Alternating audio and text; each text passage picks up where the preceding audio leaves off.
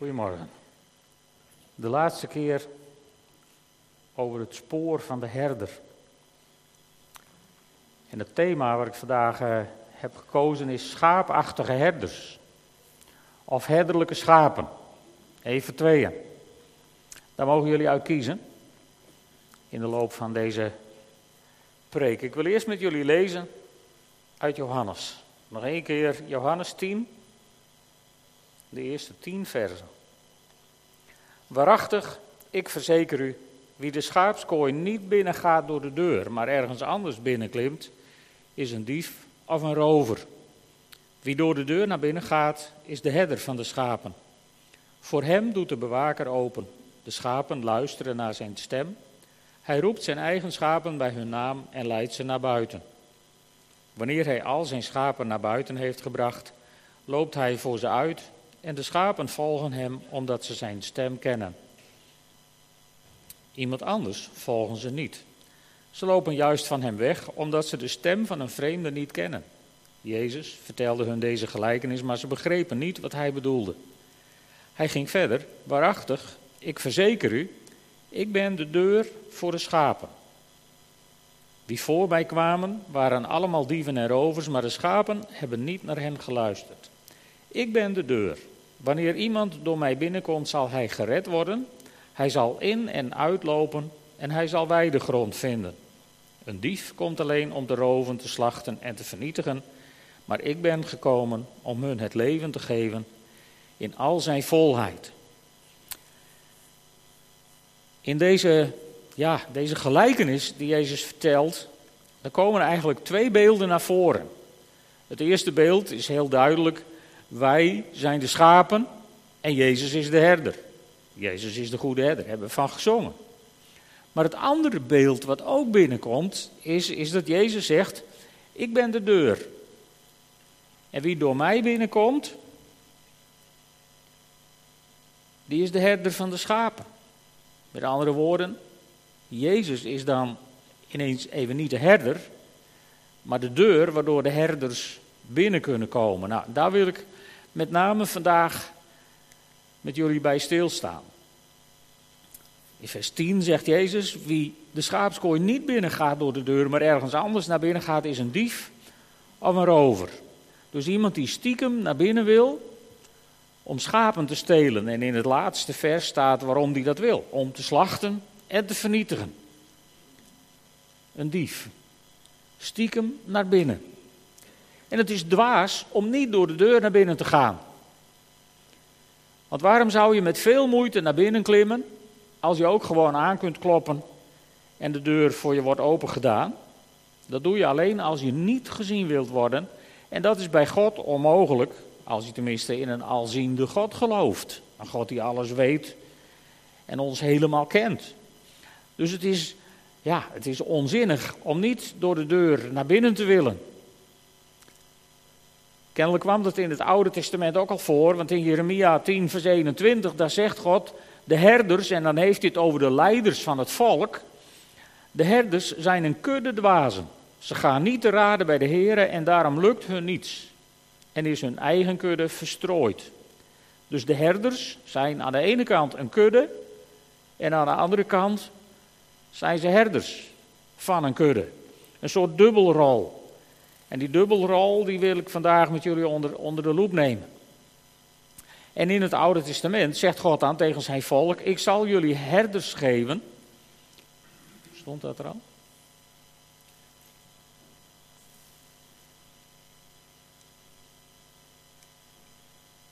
Ik zal jullie herders geven naar mijn hart.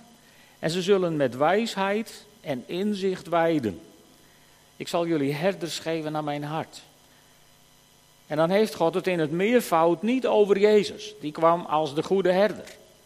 Maar over mensen die als herders worden aangesteld. En als je denkt dat je de dans ontspringt, dan zullen we straks zien dat dat niet zo is. In vers 2 staat: Wie wel door de deur naar binnen gaat, is de herder van de schapen. Voor hem doet de bewaker open. En die herder hoeft alleen maar aan te kloppen. En de bewaker doet open. Dat is wat Jezus hier zegt. Dus wie door de deur naar binnen gaat. En Jezus is de deur. Dat zijn dus die herders naar mijn hart. En, en, en die zullen met wijsheid en inzicht wijden. Wil ik even teruggrijpen op de preek van Oudejaarsavond.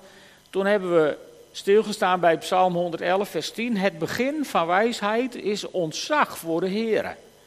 Dus waar moeten herders aan voldoen als ze binnengelaten willen worden in de schaapskooi om schapen mee te nemen om te weiden? Ze moeten ontzag hebben voor de Heer. En als je ontzag hebt voor de Heer, probeer je niet illegaal naar binnen te klimmen, maar dan kom je binnen door de deur. Binnen door Jezus. En dat is, dat is van fundamenteel belang als je in je rol als herder iets wil doen, iets wilt betekenen, dat je door Jezus binnenkomt. Bij Hem moet het beginnen. Door Hem moet je geleid worden. En dat wil ik met jullie onder de loep nemen. Herders leiden namelijk hun schapen. En herders leiden een kudde schapen, maar ze worden ook geleid als herder. Daar zit een zekere rolwisseling in dit verhaal. Want zo ben je schaap en zo ben je herder. Dat kan zomaar gebeuren. En, en, en hoe gaat dat dan? Nou, dat maakt, dat maakt Jezus heel erg duidelijk in Johannes 21. Eigenlijk het, het hoofdbijbelgedeelte van dit jaarthema. Als Jezus Petrus in ere herstelt, dan vraagt hij aan Petrus: Heb je mij lief? Drie keer vraagt hij het: Heb je mij lief of hou je van mij? Drie keer wordt Petrus die vraag gesteld en drie keer mag Petrus met ja antwoorden. En drie keer krijgt hij de opdracht: wijd mijn lammeren, hoed mijn schapen en wijd mijn schapen. Nou, dat is, komt ongeveer op hetzelfde neer. Hoeden en weiden. Zorgen dat ze te eten hebben, zorgen dat ze niet verdwalen. Hoeden betekent beschermen. En weiden betekent zorgen dat ze genoeg voedsel krijgen. En dit zegt Jezus hier niet tegen zichzelf als de goede herder, maar tegen Petrus, die op dat moment wordt aangesteld als herder voor de kudde. Dus Petrus, als hij door de deur naar binnen gaat, als hij van Jezus houdt, als hij Jezus lief heeft, dan mag hij in zijn rol stappen als herder. En voor wie is dan die rol als herder? Dat zullen we, zullen we direct zien. Wat nog heel belangrijk is, dat Petrus als herder dus geleid moet worden door het lam. Dat zien we ook nog in datzelfde hoofdstuk in Johannes 21, waar, waar Jezus uitdrukkelijk tegen Petrus zegt: Jij moet mij volgen.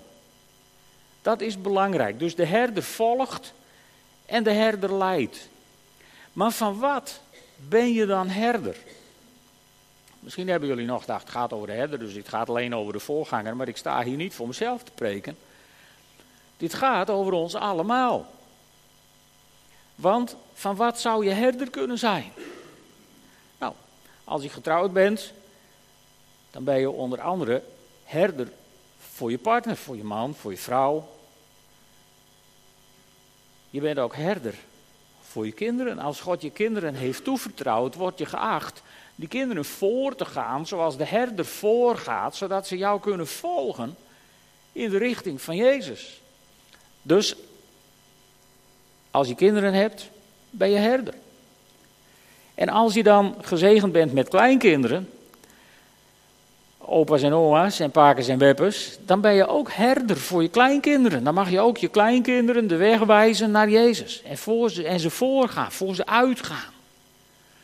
En misschien, misschien werk je wel ergens waar je met een paar collega's samenwerkt of geef je leiding aan een team. Ook daar ben je herder. Daar ben je niet alleen maar manager of alleen maar baas of directeur. Als christen heb je daar ook de plicht en de taak om iets van Jezus zichtbaar te maken. Om voor de mensen uit te gaan, zodat het zichtbaar wordt dat je niet alleen maar leiding geeft, maar ook onder leiding leeft. Ik denk dat daar een, een groot gebrek ligt in onze levens.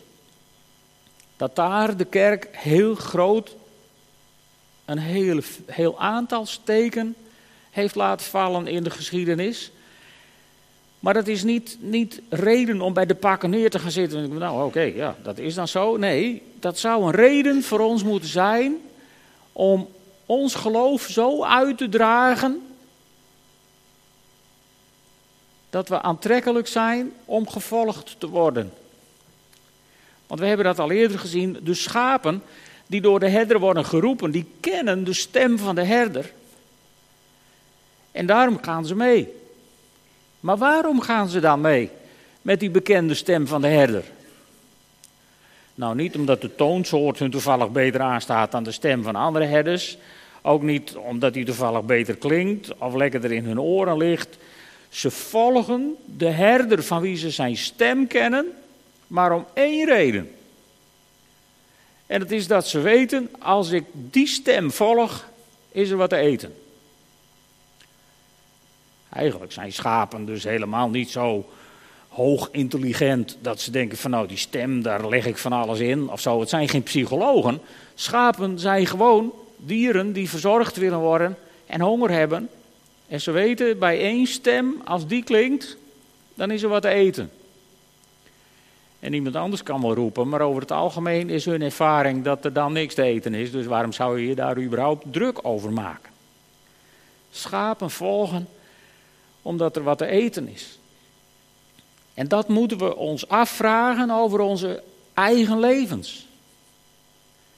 Is er bij mij wat te eten, geestelijk gezien? Heb ik wat te delen? Heb ik iets of straal ik iets uit aan blijdschap, aan vreugde, aan vertrouwen op God ook? In situaties waarin er geen reden is. Er is niet altijd reden om blij te zijn in het leven. Er zijn soms ook redenen om, om, om verdrietig te zijn, of, of, of bezorgd, of, of angstig. Nico heeft nou toevallig hele goede uitslagen gekregen, maar we hadden het er gisteren over. Zolang je op die uitslag zit te wachten, dan komen er ook wel eens andere gedachten in je op. Dus je bent niet de hele dag sprankelend van vreugde. Maar zelfs in die situaties mag je weten dat je, dat je een herder hebt die voor je uitgaat en die voor je zorgt. En kun je in een zeker vertrouwen door het leven gaan, waardoor de mensen die jou zien in jouw situatie, waarin je bezorgd zou mogen zijn en, en waarin je misschien naar het idee van andere mensen wel bij de muren op zou moeten vliegen, mogen mensen zien dat er een zekere rust in je is en een vrede in je hart is en, en een, iets waardoor je gedragen wordt wat andere mensen jaloers maakt. Je kent vast wel situaties van mensen waarvan je denkt: Goh, in die nood zo rustig, zo'n vrede. Je kent ze vast. En misschien heb je je ook wel eens afgevraagd: waar halen ze het vandaan? Daar vandaan. Dat is de vrede van God die er is in zulke situaties. Dus ook als je leiding geeft aan een team op je werk, dan heb je ook de, de, de mogelijkheid om die rust en die vrede en die blijdschap en die zekerheid te laten zien. Dat betekent niet dat je altijd moet lopen preken, maar dat je gewoon zichtbaar moet zijn als christen. En praten zou ik pas doen als er vragen gesteld worden. Want dat is het moment waarop mensen in ieder geval even naar je willen luisteren. Dus van een team. Je kunt ook herder zijn van een gemeente. En daar hoef je niet beslist alleen maar voorganger voor te worden. Je kunt ook oudste zijn of teamleider of gewoon medewerker in een team waarin je samen met andere mensen iets doet. En dan nog, ook als je gewoon in de gemeente komt, dan is het een heel bijbels patroon om naar elkaar om te zien en voor elkaar te zorgen. Dus met andere woorden, de Bijbel maakt haarscherp duidelijk dat zelfs als je de gemeente alleen maar bezoekt, dat je een zekere herderlijke verantwoordelijkheid hebt voor de andere mensen om je heen. Voor de mensen die misschien wel bij je in de rij zitten vandaag. Om even te luisteren, een bemoedigend woord te spreken. Gewoon samen even te lachen. Daar is het koffiedrinken voor bedoeld. Om even te herderen onder elkaar. Een geweldige buitenkans. En, en, en eigenlijk zou je dus kunnen zeggen, als je je afvraagt van ja, ben ik dan ook herder? Ja, jij bent ook herder. Gefeliciteerd. Maar van wat dan? Nou, van alle mensen die in jou Jezus zouden moeten zien weerspiegelen. Van al die mensen ben je herder, heb je een zekere verantwoordelijkheid. En ik denk dat God later ook aan ons zal vragen: wat heb je daarmee gedaan? Misschien wel veel meer van of je alles wel goed bestudeerd hebt en alles wel helemaal gesnapt hebt en alle regeltjes wel helemaal bent nagevolgd. Ik denk dat dit de primaire vraag zal zijn. Wat ben je geweest voor de mensen in je omgeving? Een herder of een dief of een rover? Met wat voor intenties ben je met mensen omgegaan? Om er beter van te worden, om te stelen, om te slachten? Of om mensen te zegenen? Waarvoor heb je geleefd? Waarvoor leef je eigenlijk op dit moment? De maatschappij die, die jaagt ons op om te leven voor een carrière, om, om te gaan voor het hoogste, om van alles na te jagen. Want je schijnt van alles nodig te hebben en van alles in deze wereld schijnt onmisbaar te zijn, totdat je het niet hebt en merkt dat je er prima zonder kunt. Hoe ga je mee in die gekte? Ben je een dief of een rover die naar binnen klimt om te stelen en te slachten? Of ben je een herder die netjes aanklopt op de deur en je stem laat horen en degenen die naar die stem luisteren iets te eten geven? Weet je, dat laatste vers, dat is zo, zo bijzonder. Wat Jezus daar zegt, ik ben gekomen om leven te geven in overvloed. En dat leven, dat geeft hij aan de herder met de bedoeling dat de herder dat uitdeelt. Dat de herder dat doorgeeft aan degenen die aan zijn zorg zijn toevertrouwd. En het is nooit de bedoeling geweest van God dat we dat in de kerk hebben toebedeeld aan de dominee. Van nou, die krijgt het leven en die moet zorgen dat de hele kudde daar wat van krijgt. Nee, wij zijn allemaal aangesteld als herders. En wat heb je dan voor taken? Nou, daarmee wil ik even naar een verhaal wat misschien nog wel vers in het geheugen ligt, want het is net kerst geweest. Uit Lucas 2. Lucas 2 staat een heel mooi verhaal. Natuurlijk, van de herders. De herdertjes lagen bij nachten. Dat is net even te romantisch, denk ik, maar goed. Er staat dat ze in het veld waren. Niet ver daar vandaan brachten de herders de nacht door in het veld. Ze hielden de wacht bij hun kudde. Opeens stond er een engel van de Heer bij hen en werden ze omgeven door het stralende licht van de Heer, zodat ze hevig schrokken. De engel zei tegen hen: Wees niet bang, want ik kom jullie goed nieuws brengen, dat het hele volk met grote vreugde zal vervullen. Vandaag is in de stad van David voor jullie een redder geboren. Hij is de Messias, de Heer. Dit zal voor jullie het teken zijn. Jullie zullen een pasgeboren kind vinden dat in een doek gewikkeld in een voederbak ligt. En plotseling voegde zich bij de engel een groot hemelsleger dat God prees met de woorden: Eer aan God in de hoogste hemel en vrede op aarde voor alle mensen die hij lief heeft. Toen de engelen waren teruggegaan naar de hemel, zeiden de herders tegen elkaar: Laten we naar Bethlehem gaan om met eigen ogen te zien wat er gebeurd is en wat de Heer ons bekend heeft gemaakt. Ze gingen meteen op weg en troffen Maria aan en Jozef en het kind dat in de voederbak lag. En toen ze het kind zagen, vertelden ze wat over dat kind was gezegd. Allen die het hoorden stonden verbaasd over wat de herders tegen hen zeiden. Maar Maria bewaarde al deze woorden in haar hart en bleef erover nadenken. De herders gingen terug terwijl ze God loofden en prezen om alles wat ze gehoord en gezien hadden, precies zoals het hun was gezegd. Het is eigenlijk een heel mooi verhaal waar je de taken van de herder even uit kunt destilleren.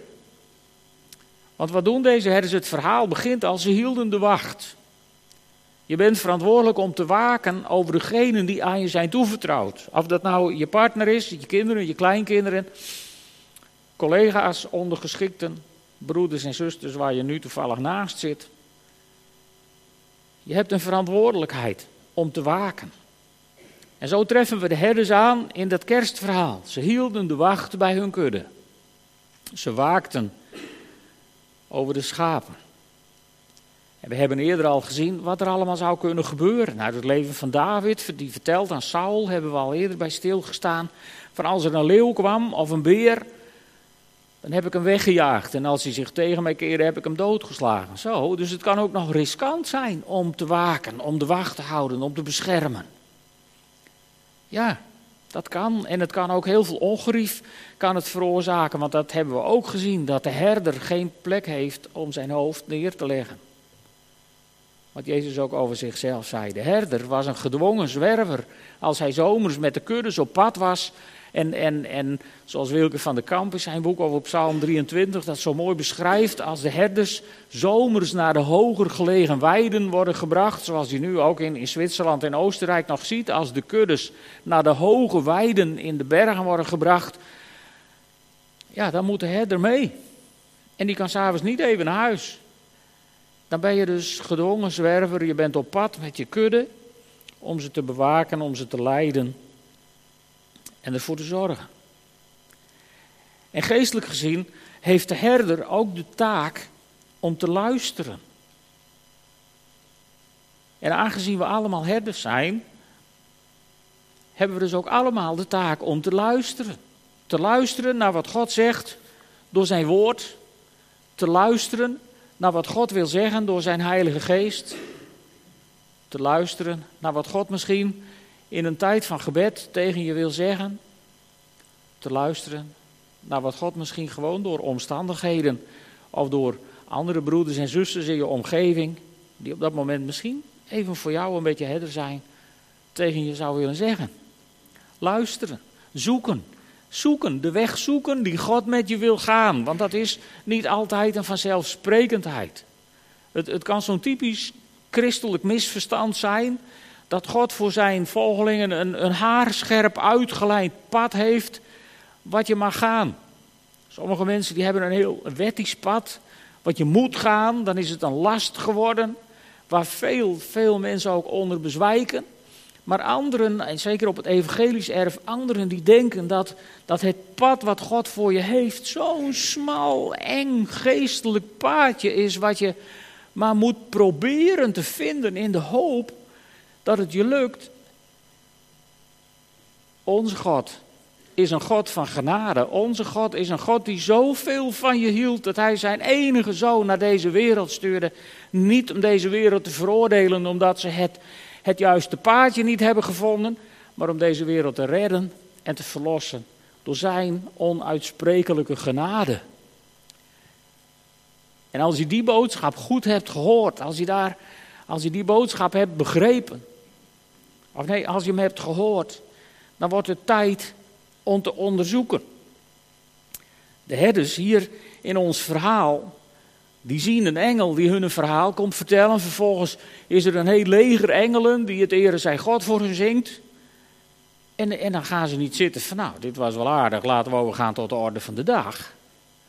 En ze zeggen ook niet van, nou ja, ja, nee, ik heb nou toevallig dienst bij de schapen, we kunnen hier zomaar niet weg. Er staat in de Bijbel, ze stonden op en ze gingen op pad. En ze lieten de schapen, maar even de schapen. En ze gingen onderzoeken of het klopte wat de herder heeft gezegd.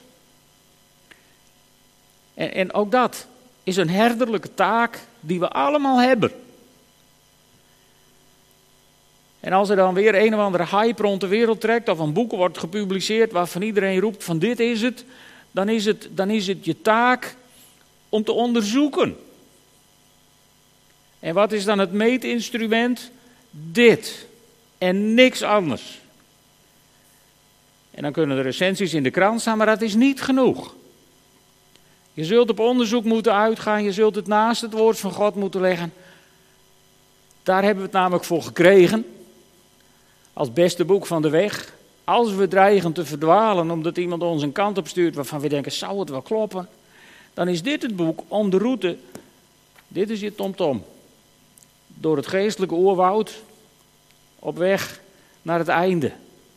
En daar kun je niet zonder. Het is onmogelijk om daar zonder te leven en daar nooit in te lezen en er nooit mee bezig te zijn en niet te verongelukken. Dat gaat niet samen. En elke keer als je dan weer leest over een gemeente waar het helemaal uit de hand is gelopen, En je leest dat later, dan denk je, hoe is het in de wereld mogelijk?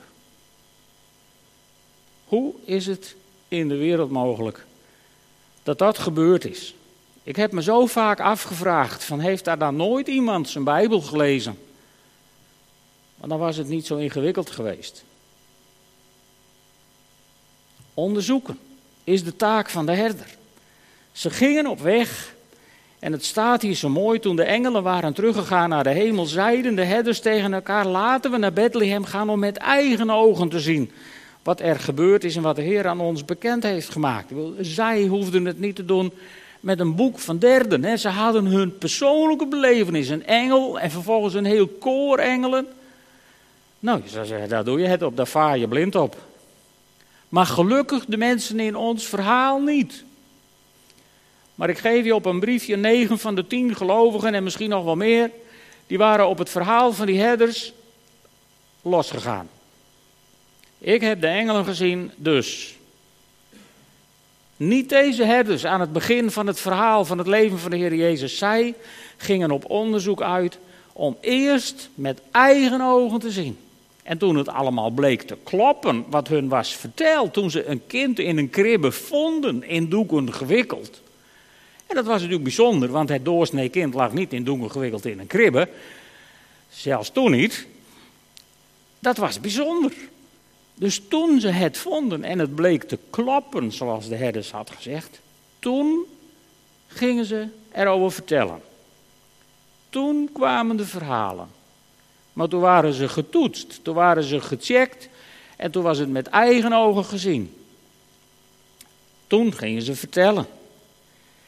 En, en ze vertelden het niet alleen aan Jozef en Maria. Het is heel bijzonder, want er staat: allen die het hoorden stonden verbaasd over wat de herders tegen hen zeiden.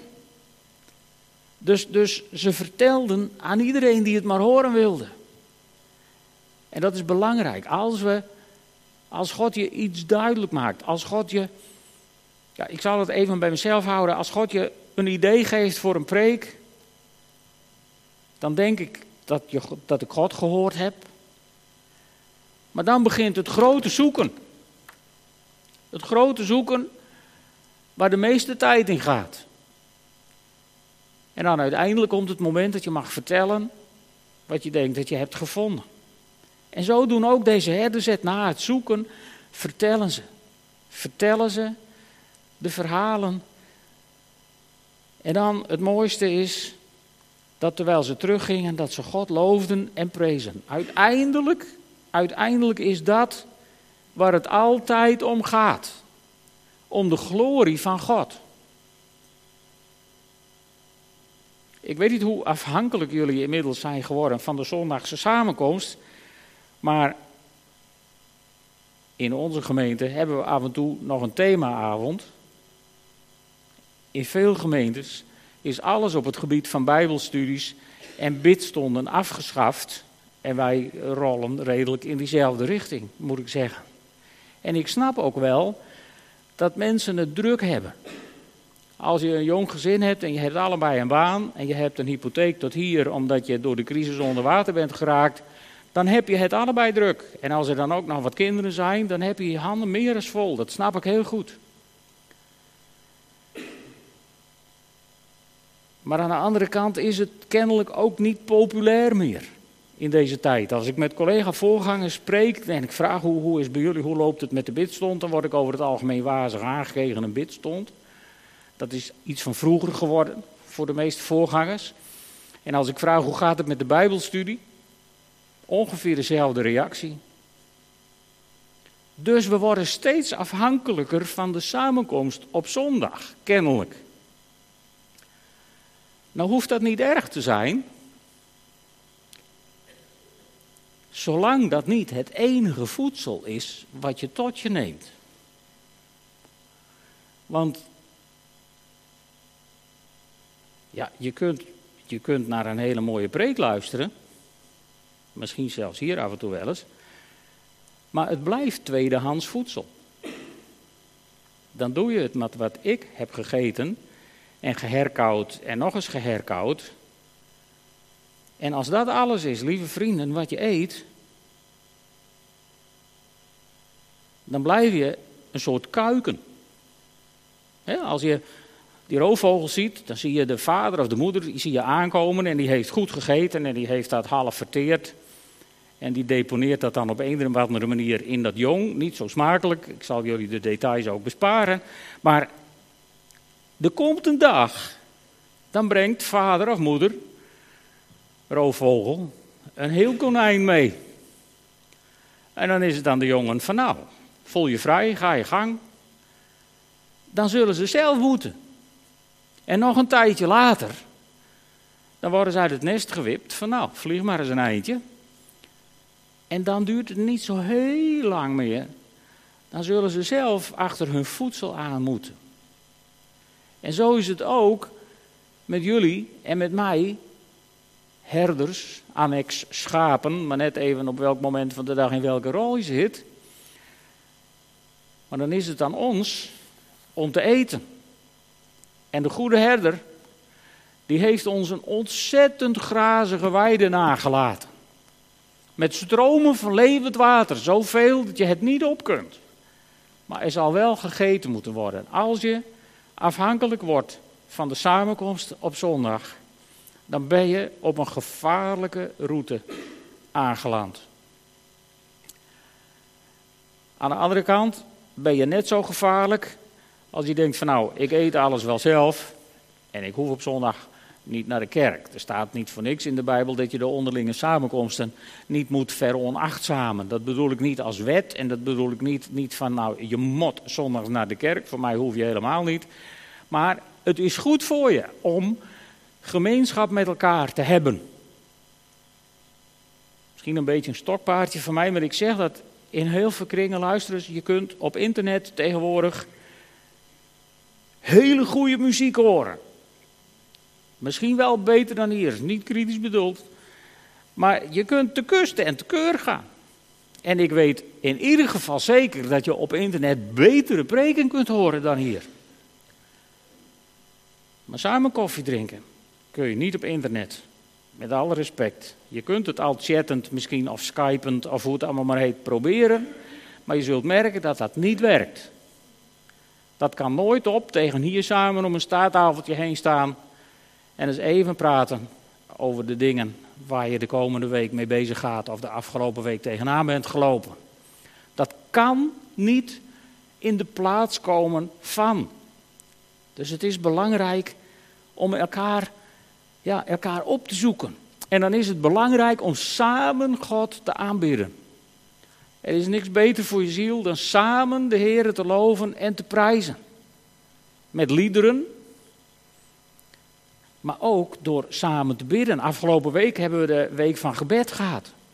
Nou, ik moet zeggen, als, als het aantal mensen wat daar was beeldbepalend is voor het gebed in Drachten, dan ziet het er dramatisch uit. Maar ik ben zo optimistisch om te geloven dat er ook privé en thuis en in allerhande situaties nog veel gebeden wordt. Want anders zou de ramp niet te overzien zijn. Dus daar wil ik niet naartoe. Maar het is belangrijk om samen God te loven en te prijzen. En het is eigenlijk, ja, soms bijna verdrietig als we dan tijd hebben om met onze eigen woorden God te aanbidden, dat het zo ongelooflijk stil wordt. En ik geloof niet dat dat komt omdat niemand van jullie God iets positiefs heeft te melden. Ik geloof veel eerder dat het is omdat je niet durft. Of omdat je zwaar overdreven de andere uitnemen erachter dan jezelf. Dat kan een heel leuk excuus zijn. Van die andere kan beter bidden dan ik, dus ik, ik zeg wel niks. Ik hoop niet dat je je persoonlijk aangesproken of aangevallen voelt, maar wel aangesproken. Dat als we tijd hebben om God te aanbidden, dat God aanbeden wordt. Weet je, een gemeenschap van christenen, als de schapen bij elkaar zijn, dan zou de herder in alle toonaarden bejubeld en aanbeden moeten worden. Want hij is het waard. Hij heeft zo'n enorme prijs voor ons betaald. En hij heeft ons gemaakt tot zijn schapen. De schapen die hij wijdt. Hij heeft ons in zijn liefde tot, tot zich getrokken om voor ons uit te gaan En wij mogen hem volgen. En dan ben je bezig om hem te volgen.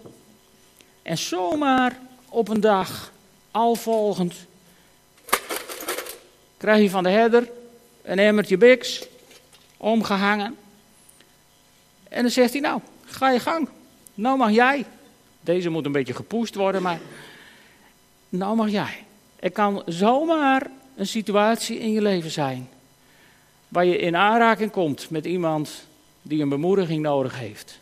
Een bemoediging, misschien wel uit het woord van God of iets wat de Heilige Geest op je hart legt. Je kunt op elk moment van je leven in een situatie komen waarin de grote herder zegt: Weet je, ik heb jou stromen van levend water gegeven in je binnenste. Open die kraan, want er is iemand met dorst. Er is iemand met honger. En je hoeft er nooit over in te zetten wat je die ander dan zult geven. Want onze voorziener voorziet altijd in dat wat je op dat moment nodig hebt. Het enige wat je nodig hebt is de bereidheid om te zeggen: Oké, Heer, gebruik mij alstublieft. Want wij zijn allemaal schapen van de herder. En we zijn allemaal geroepen om af en toe even herder te zijn voor een ander schaap. Zullen we samen een moment bidden? Mag ik jullie vragen op te staan, voor zover mogelijk. Heere God, u hebt ons op deze wereld geplaatst met een doel, met een taak, met een opdracht. Heere, en u hebt, u hebt medeschapen aan ons toevertrouwd.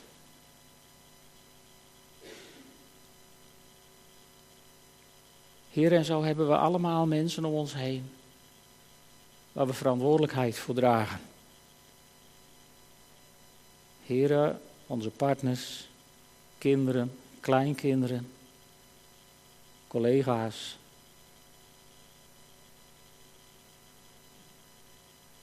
Heren, en allerhande andere situaties. Ik denk aan Henk en Jeanette met hun hun driestroomhuis. Heer, u hebt ze mensen toevertrouwd om daar herder voor te zijn.